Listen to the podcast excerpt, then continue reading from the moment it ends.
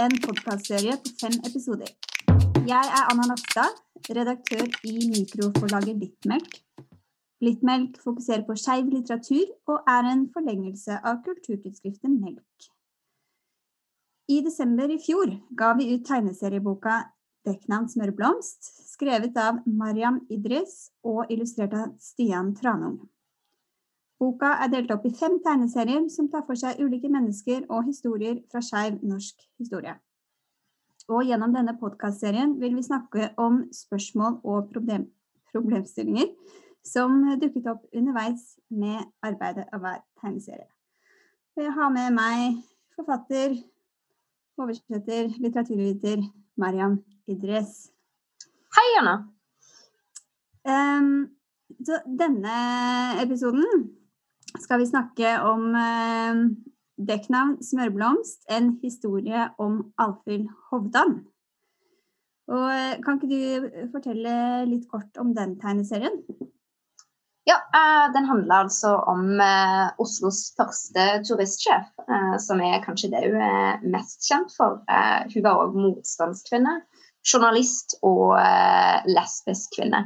Um, og tegneserien den handler om, rett og slett om hennes liv fra hun ble født på begynnelsen av 1900-tallet i Kristiania til um, til andre verdenskrig og til karrieren hennes etter krigen. Hun er fascinerende uh, menneske. Ja.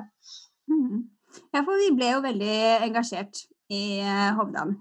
Um, såpass engasjert at uh, jeg og Mariam skal fortsette arbeidet og skrive en hel biografi av henne, faktisk. Gleder meg. Her kommer det mer. Ja.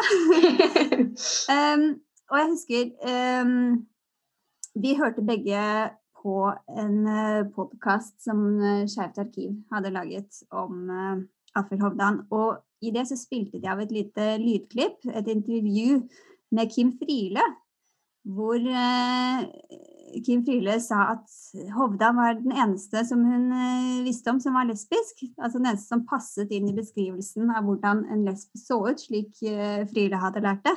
Men at Hovda var i skapet. Og det er det eh, som er problemstillingen i, eh, i dagens episode. Eh, når man skriver om skeive mennesker, så vil man alltid møte skapet. Og hvordan skal man forholde seg til det?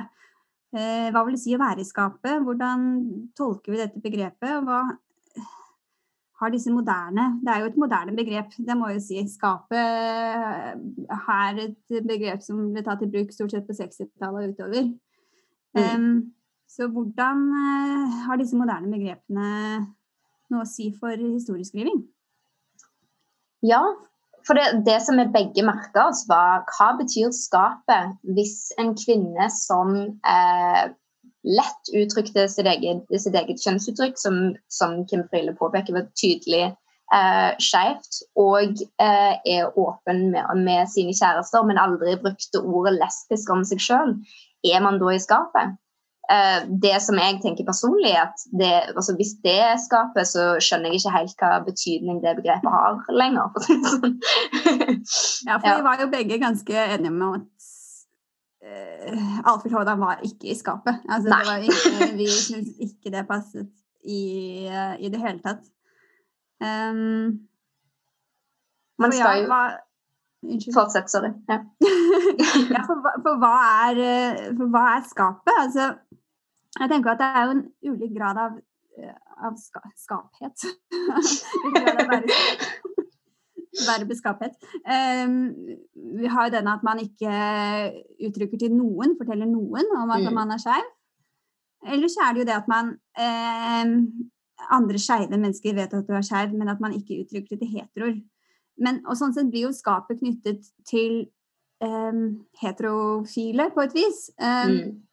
Men hva skal man si um, Da er det jo Hvis man ikke er ute av skapet før man er ute til heteroene, så er det jo på et vis heteroene som får lov til å definere skeivhet. Og det syns jeg er ganske uheldig.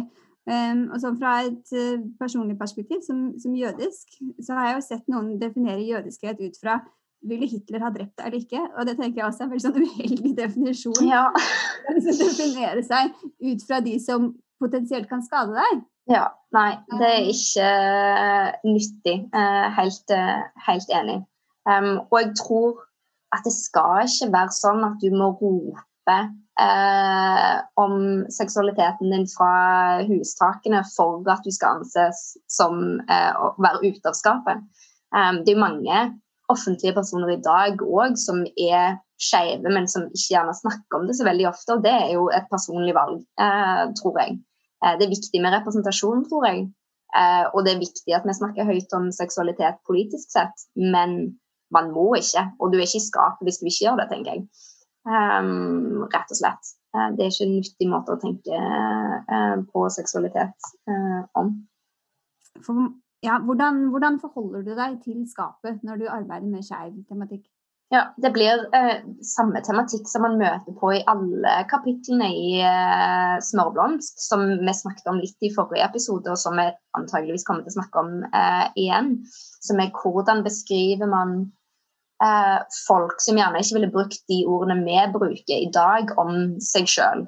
Um, uten å få det til å høres heterofylt ut. For sånn. For man kan jo unngå å bruke ordet lesbisk, men for en moderne leser så vil en da plutselig anta For vi har en tendens til å anta at folk er streite inntil det motsatte er bevist. Og når vi på en måte uh, har uh, kommet fra den vinklingen, så blir plutselig uh, Hovdan heterofil, eller i skapet, om du vil, fordi at hun ikke brukte sånne ord direkte om seg sjøl. Og det er, da, da, går du ikke an å skrive skeiv historie, for å si det sånn. Da, da, har vi ikke en felles historie. Og det, det, tror jeg at det er nyttig at vi har. Og det, ja. Mm. Mm. ja. Um, så da, da, plutselig så har man problemet hva ord skal man bruke. Og vi har jo unngått eh, og bruke direkte ord som folk ikke bruker om seg sjøl. Det har, vi, eh, har, hele tiden vært viktig, og det tror jeg er viktig. Men eh, hvordan man skriver det, hvordan man tegner det, der har òg Stian sin jobb vært eh, veldig viktig, tror jeg. For når det er mange ting som man gjerne ikke snakket om eller satte ordentlig ord på, så eh, kan man tegne det. Og der tror jeg det at dette er en tegneserie og et visuelt på en måte, medium har vært ganske viktig. Altså. Mm. Men har du syntes at det eh, har vært litt skummelt å, å skrive om uh, mennesker som ikke i vår moderne forstand var ute? Ja, altså det handler om å ha respekt for, uh, for uh, folkene som man skriver om. Det tror jeg er veldig viktig. Og man skal jo trå vart, spesielt fordi det er jo Uansett hvor god historiker man er, så er det jo til en viss grad umulig å forstå akkurat hvordan det var å være skeiv eh, for eh, Alfhild Hovdan. Jeg har aldri møtt noen. Jeg skulle ønske det. Um, så det handler vel om å trå varsomt eh, og aldri bruke ord eh, man ikke nødvendigvis eh, tror at personen har brukt om seg sjøl, men uten å skrive de streite, da. Um, et grep som jeg tok for å komme meg litt unna det, uh, er at den fortellingen òg til en viss grad er fortalt fra perspektivet til Anette, en spion som skrev om Alfhild Hovdan uh, da hun var motstandskvinne under andre verdenskrig i uh, Stockholm. Og Det gjør at man kan få et litt sånn utenfra-perspektiv og snakke om de tingene som folk snakket om rundt Alvhild som var veldig eh, berømt i Norge, man kan si det. altså Kjendis. Eh, veldig mye snakka om. Mye sladder. Eh, og hvis man kommer fra det utenfra-perspektivet, så kan man snakke om det sladderet òg, tenker jeg. Um, uten at man gjør noen direkte antakelser om, uh, om hun sjøl. Men tenker du at det kan være et uh, altså et klassespørsmål også, dette med skapet. Um, for uh, Hovdan Man må jo nesten få kalle henne liksom borgerlig. Mm. og de, hennes vennekrets også. Um, og at det At de ikke snakket om seksualitet, uh, rett og slett, i liksom disse dannede selskapene. Hvordan skulle det sett ut for Alfred Hovdan å komme ut? Hvordan, hvordan kunne det ja. Jeg tror at eh, jo mer penger man har, jo lettere er det å være skeiv eller alle andre ting som gjerne eh, er utenfor majoritetssamfunn. Sånn har det jo alltid vært. Um, og det gjør jo at på en måte eh, personer som Alfhild Hovdan har nok hatt det bitte litt lettere i forhold til um, hvordan det var for hun å leve relativt åpent um, på den tiden, enn man gjerne hadde hatt om man var på en mindre borgerlig uh, bakgrunn. Det tror jeg absolutt. Um, om hvordan hadde det sett ut Jeg tror ikke at det Altså, ja. Det, det tør jeg faktisk ikke å anta noen ting om.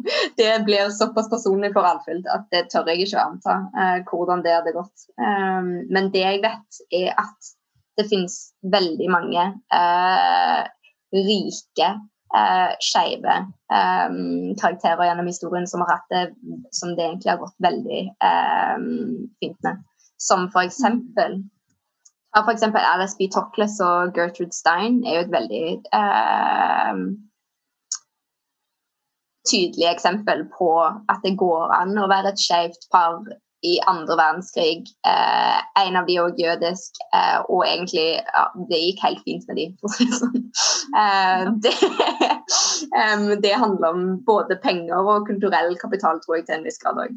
Um, er viktig um, der. Så klasser absolutt, må man si. Nå var jo Hovdan Hun var veldig teaterinteressert og mm. hadde mange gode venner i ja, fra, fra teatret, rett og slett. Hun var jo med å starte Flyktningteatret Frinorsk scene. Mm. Eh, og det er jo også en sånn kjensgjerning at eh, teaterfolket var jo ofte litt mer eh, åpne også. Um, for det var jo ikke Altså, alle som kjente Hovdan, visste jo at hun var lesbisk. Mm. Um, hun hadde jo kjærester som uh, var med på alle disse sosiale Alle selskapene alt gjorde. Um, nå snakker jeg med veldig sikkerhet her, for uh, Hovdan var nær venn med mine besteforeldre. Så jeg har jo en del uh, førstehåndskilder, og jeg har uh, en god del brev. Det, ja, det blir jo den boka som jeg og Mariam etter hvert skal utgi. Um, ja, så jeg Jeg har også tenkt på dette med skapet og Hovdan, og jeg kan ikke se hvordan hun kunne vært mer altså, så, Hvordan kunne hun komme mer ut enn hvordan hun levde så åpent og, og ja, som du sier, altså, til og med Kim klokka jo henne. Man så jo at hun var det. Mm, ja. Eh, la jo ikke noe skjul på det. Ja. Sånn sett. Så, eh, så ja, hvor, hvor, stor plass skal liksom skapet få i, i skeiv uh, historiefortelling? Jeg tror spesielt når man snakker om kvinner. Fordi altså, skapet gir mening mer for menn, tror jeg, som faktisk har møtt et lovverk som har eh, kriminalisert sex mellom menn. Det har jo kvinner eh, aldri opplevd. Um, så da da er det annerledes. Da kan du leve under radaren ganske greit, egentlig. Mm. Bo sammen med kjæreste. Um, du kan selvfølgelig du kan ikke gifte deg, kan ikke, det er mange ting som man har blitt nekta, og du møter jo selvfølgelig både motstand og diskriminering overalt. Men lovverket uh, forbyr deg ikke. Uh, og det tror jeg er en viktig forskjell som vi antageligvis kommer til å komme tilbake til senere òg, tror jeg. Mm. Ja. Mm. Så da har vi snakket en del om skapet. Men um, tegneserien. Kan ikke du bare fortelle meg hva du likte best å skrive om? Hvilken del av Hovdans liv var det som uh, engasjerte deg mest når du arbeidet med manuset? Du, det er mye. Hun har uh, hatt et veldig spennende liv. Jeg anbefaler folk å sjekke det ut. Det er så mange små historier som jeg syns var utrolig morsomme. Jeg tror det kjekkeste var når jeg fant et intervju med henne hvor hun fortalte om en opplevelse som hun hadde eh, på reise når hun gikk fra eh, Oslo til Roma til fots. Eh, hvor hun hadde sluppet opp for penger. Hun ble rana, faktisk. Sovna på en bar. Ble frastjålet de siste pengene. Hadde ikke eh, penger til å komme seg videre. Og løy om at hun kunne ri eh, til personen som eide puben i eh, bytte mot å få jobb og ri til nærmeste by eh, for penger. Eh, og rei uten å kunne ri i det hele tatt eh, gjennom natten. Som jeg synes bare Det sier litt om hva slags type person eh, hun var, altså. bein i nesen, tøffe og ganske drøye. Veldig driftig. ja, driftig. Det, det er ordet. yes. Ja. Men da takk for, uh, takk for oss. Takk for uh, samtalen. Tusen takk.